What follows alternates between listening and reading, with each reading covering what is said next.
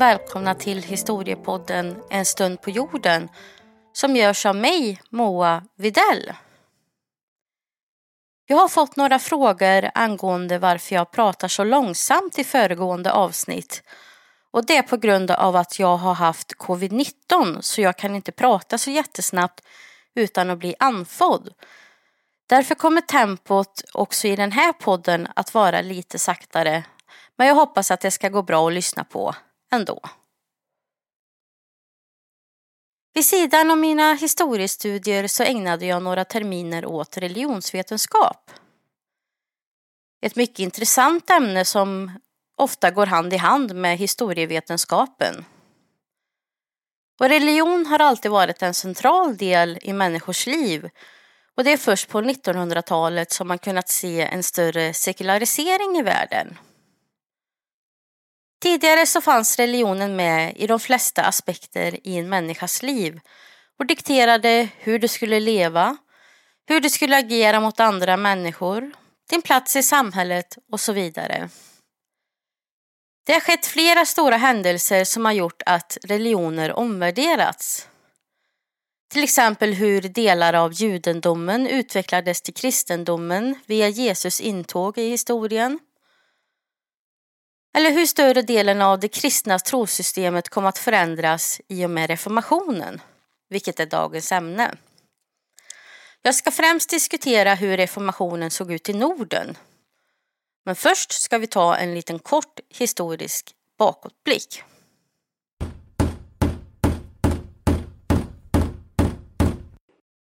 Den 31 oktober 1517 spikade Martin Luther upp sina 95 teser på dörren till Slottskyrkan i Wittenberg. Eller gjorde han verkligen det?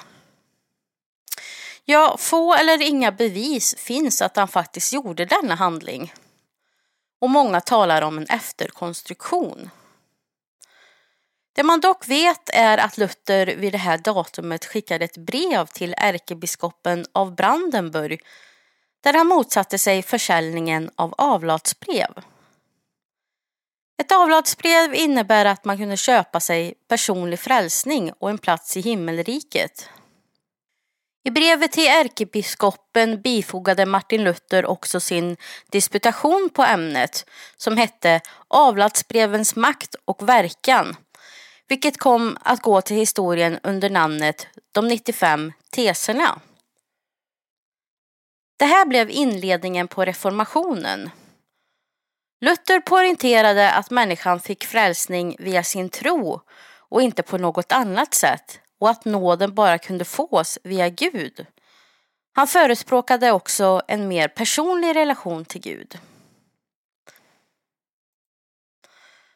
På Nationalencyklopedin kan vi läsa Reformationen, en process inom kristendomen som ursprungligen var avsedd för att reformera kyrkan men som istället medförde en brytning med kyrkan och uppkomsten av nya kyrkobildningar.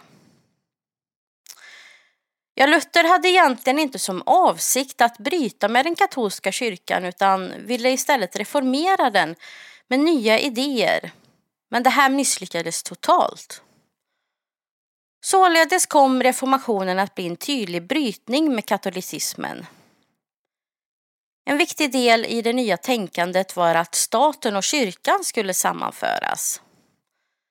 Den katolska kyrkan hade under det senaste årtusendet fått allt mer makt och även världsligt, vilket ledde till att många såg den som ett hot, speciellt makthavare i Europa. Men reformationen varken började eller slutade med Martin Luther. Redan på 1200-talet fanns det flera röster för att reformera den katolska kyrkan och likaså var reformationen en lång process där olika länder i Europa påverkades på olika sätt under en lång tid. Flera länder behöll sin eh, katolicism och eh, religionsstriderna kom att utmynna i ett av de mest omfattande krigen i Europas historia, nämligen 30-åriga kriget. Hur togs då dessa nya tankar emot i Norden? Hur och varför blev de nordiska länderna till sist protestanter? Och vilka kulturella faktorer påverkades? Det hoppas jag kunna ge er svar på i dagens podd. Reformationen kom att genomföras i olika takt i de olika länderna i Norden.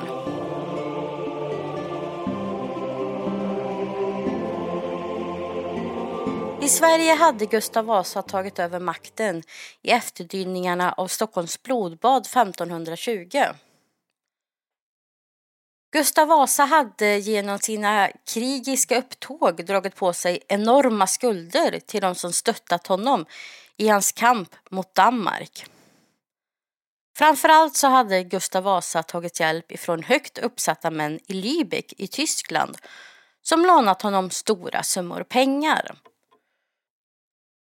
När tronen var säkrad i Sverige så var det dags att betala tillbaka lånen. Men trots höjda skatter och pålagor så fanns det inte tillräckligt med pengar. Men en ny vind hade börjat blåsa i Europa. En vind som förberodde att kyrkans makt skulle knytas till staten. Att kyrkan skulle få allt mindre världslig makt och bara ägna sig åt religion. Biskopar, kyrkor och kloster runt om i Europa och Sverige var starka institutioner. De hade mycket pengar men kunde också utöva en sorts makt. Och vissa biskopar hade till exempel egna soldater. Var det då en eh, slump att dessa tankar sammanföll med Gustav Vasas maktövertagande och att han tog till sig dem? Kanske, kanske inte. I vilket fall som helst så kom Gustav Vasa att införa reformationen och protestantismen i Sverige ganska snabbt. Gustav Vasa var inte speciellt intresserad av religion trots sin katolska uppfostran. Utan han såg det här mer som en möjlighet att tillskanska sig både makt och rikedom. Vid riksdagen i Västerås 1527 kungjorde Gustav Vasa att man brutit med påven i Rom. Sverige var det första landet i Europa som gjorde detta. Gustav Vasa kunde nu utan vidare ta för sig av kyrkans rikedomar. Silver kom i stora mängder till Stockholm och som sedan smältes ner och skickades till Lübeck. Tyger, relikskrin, kyrkklockor och andra värdefulla föremål togs också från kyrkorna och klostren runt om i landet. De nya traditionerna som ändrade vanliga folks levnadssätt var inte speciellt välkomna inom allmogen i Sverige. Många ogillade att det predikades på svenska och att deras skyddshelgon inte längre kunde tillbedjas. Motståndet mot Gustav Vasa och reformationen tog sig uttryck i flera uppror, bland annat klockupproret och Dackefejden. Dessa uppror pågick under större delen av Gustav Vasas levnadstid. Och mycket kom att eh, ändras när protestantismen gjorde sitt tillträde, något som inte var populärt inom alla led.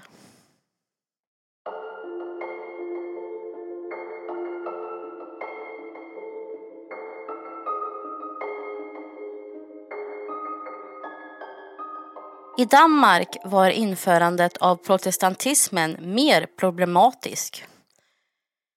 Kristian den andra som tidigare hade kastats ut ur Sverige, han som vi kallar Kristian Tyrann, led samma nederlag även i Danmark.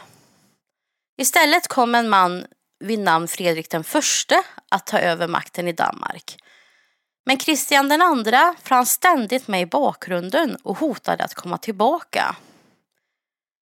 Han försökte återta Norge 1531 där han hade ett stort stöd bland norska stormän men lyckades ändå inte. Då Sverige, Danmark och trupper från Lübeck vann över honom. Kristian II hade visat ett intresse för protestantismen men den hade inte fått något genomslag i Danmark än. Och när Fredrik den förste dog 1534 utlöstes den så kallade grevfejden. Hur skulle Norden styras och vem skulle ha makten? Å ena sidan fanns det de som ville se Kristian den andra tillbaka på tronen då han fortfarande levde. Han var stödd av Hansan och och eh, olika handelsborgare kring Öresund.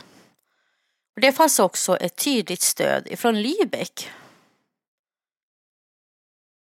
På andra sidan fanns det de som ville se Fredrik den förste son, som också hette Kristian, på tronen. Han hade stöd av Gustav Vasa och den jylländska aristokratin. Till sist så besegrade Gustav Vasa och Kristian sidan som förespråkade Kristian den andre och i sin tur Hansan.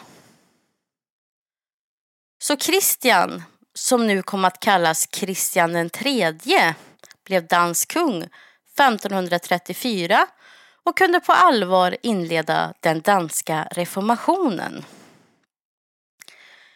Likt Gustav Vasa kopplade han ett starkt grepp om kyrkan och på vissa ställen förstördes flera katolska symboler.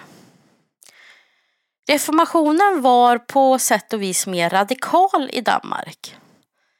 Närheten till Tyskland underlättade att tyska teologer kunde bli framstående inom den danska kyrkan. Dock så var det en mer öppen kamp i Danmark. Flera motståndare till reformationen fanns. Både katoliker men också reformkatoliker.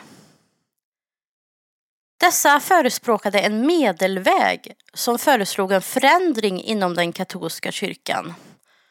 Dock så kom reformkatolikerna att misslyckas i Danmark.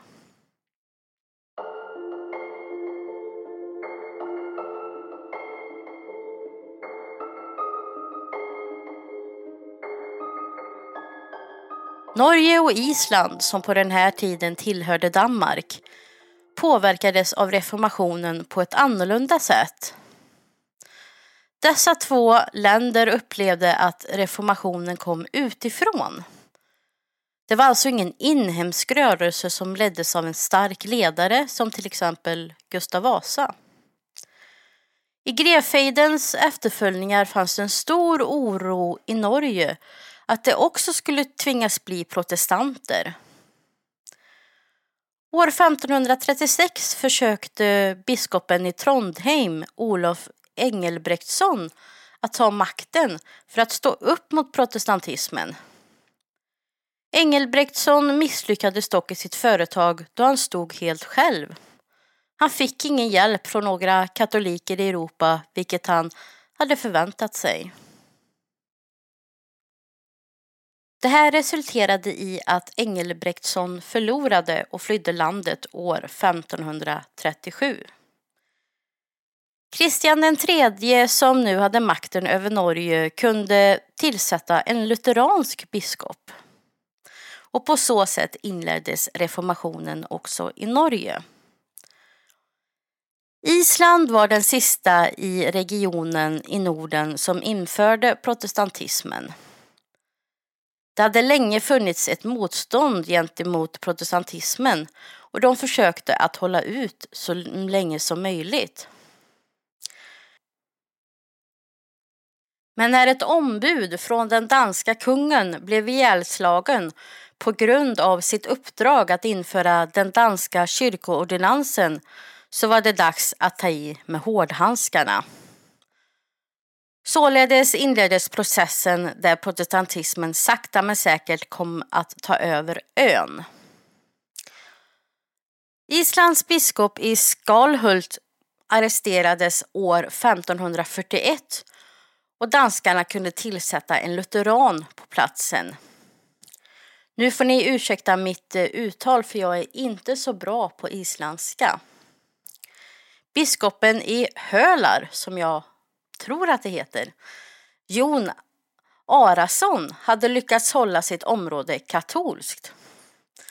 Han lyckades inta Skalholt år 1550 men kom senare samma år att tillfångatas och halshuggas. Nu var manegen krattad över hela Norden och man kunde räkna alla nordiska länder som protestantiska.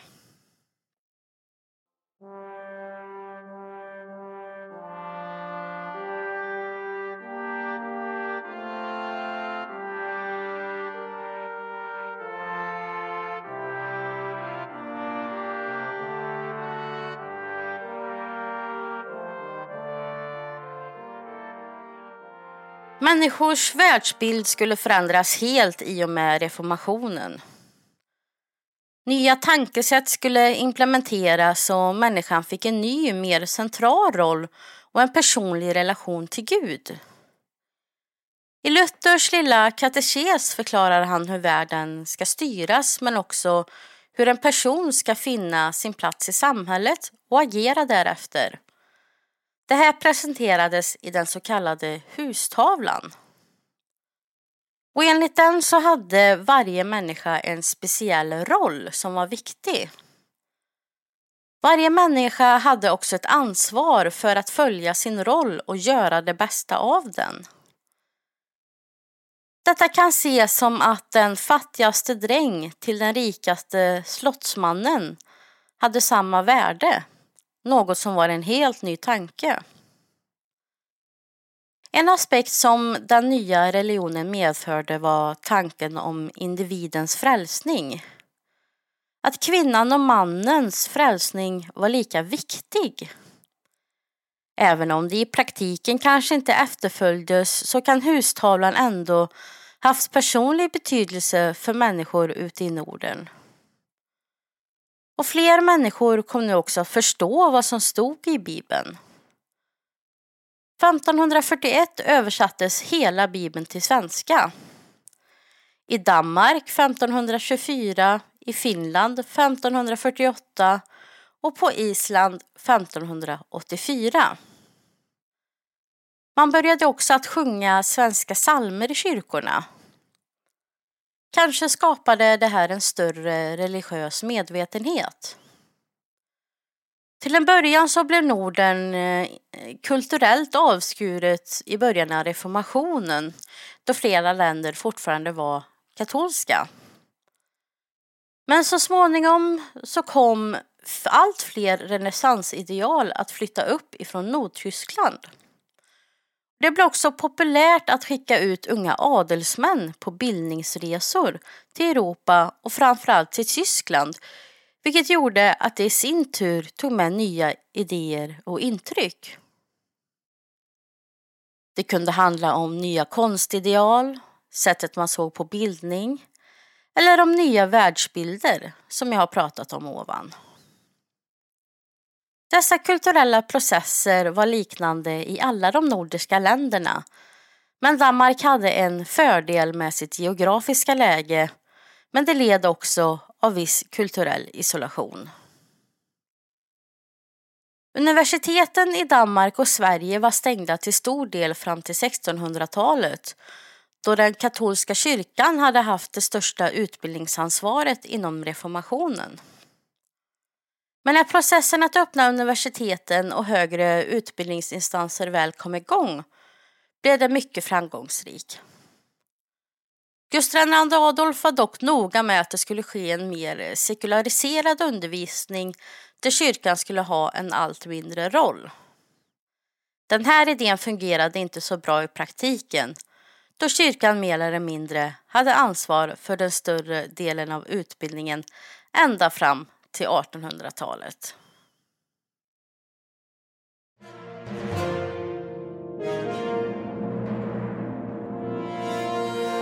Vet du faktiskt en sak? Thomas Edison uppfann inte glödlampan. Medan Edison hade häpnadsväckande 193 patent registrerade så var majoriteten av dessa inte hans egna uppfinningar. Han stal de flesta av dem. Medan han fick patentet för glödlampan 1880 var det i verkligheten uppfinnaren Warren de la Rue, en brittisk astronom och kemist som faktiskt skapade den allra första glödlampan 40 år före Edison. Tack för att ni lyssnat på veckans avsnitt och jag hoppas att vi hörs snart igen.